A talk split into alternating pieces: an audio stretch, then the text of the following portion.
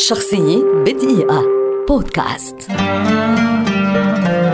أم نايت شيامالان مخرج وكاتب ومنتج أمريكي من أصل هندي ولد عام 1970 ويعد واحدا من أبرز صناع الأفلام حول العالم اليوم وأيقونة من أيقونات الرعب النفسي المعاصر. إذ تميز بأسلوب المفاجأة ويمتلك عادات غريبة تذكرنا بمخرج الرعب الشهير الأسطورة ألفريد هيتشكوك فهو يهوى الظهور في أفلامه ولو في لقطة عابرة كما يعشق أسلوب الرعب النفسي المتطور. بدأ حياته الفنية عام 1900 1992 مع فيلم Praying with Anger الذي كتبه وأنتجه وأخرجه بنفسه ولكنه لم يحصل على أي نجاح يذكر في شباك التذاكر وتبعه بفيلم فاشل آخر إلا أن بداية نجاحه جاءت عام 1999 بكتابته وإخراجه فيلم The Sixth Sense الذي ترشح لست جوائز أوسكار. منها جائزة أفضل فيلم وأفضل إخراج وجائزتي جولدن جلوب وأربع ترشيحات لجوائز البافتا. وكان الفيلم يقدم رعبا نفسيا راقيا بأسلوب متطور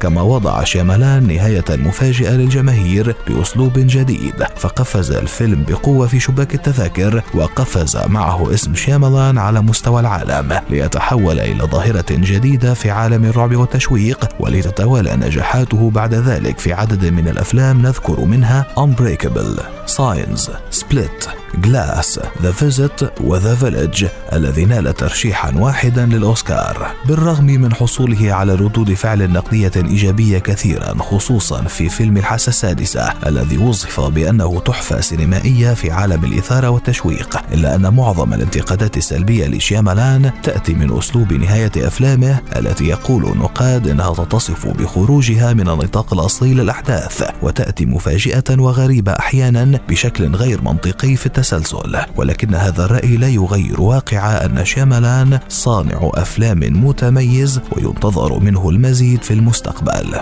شخصية بدقيقة. بودكاست.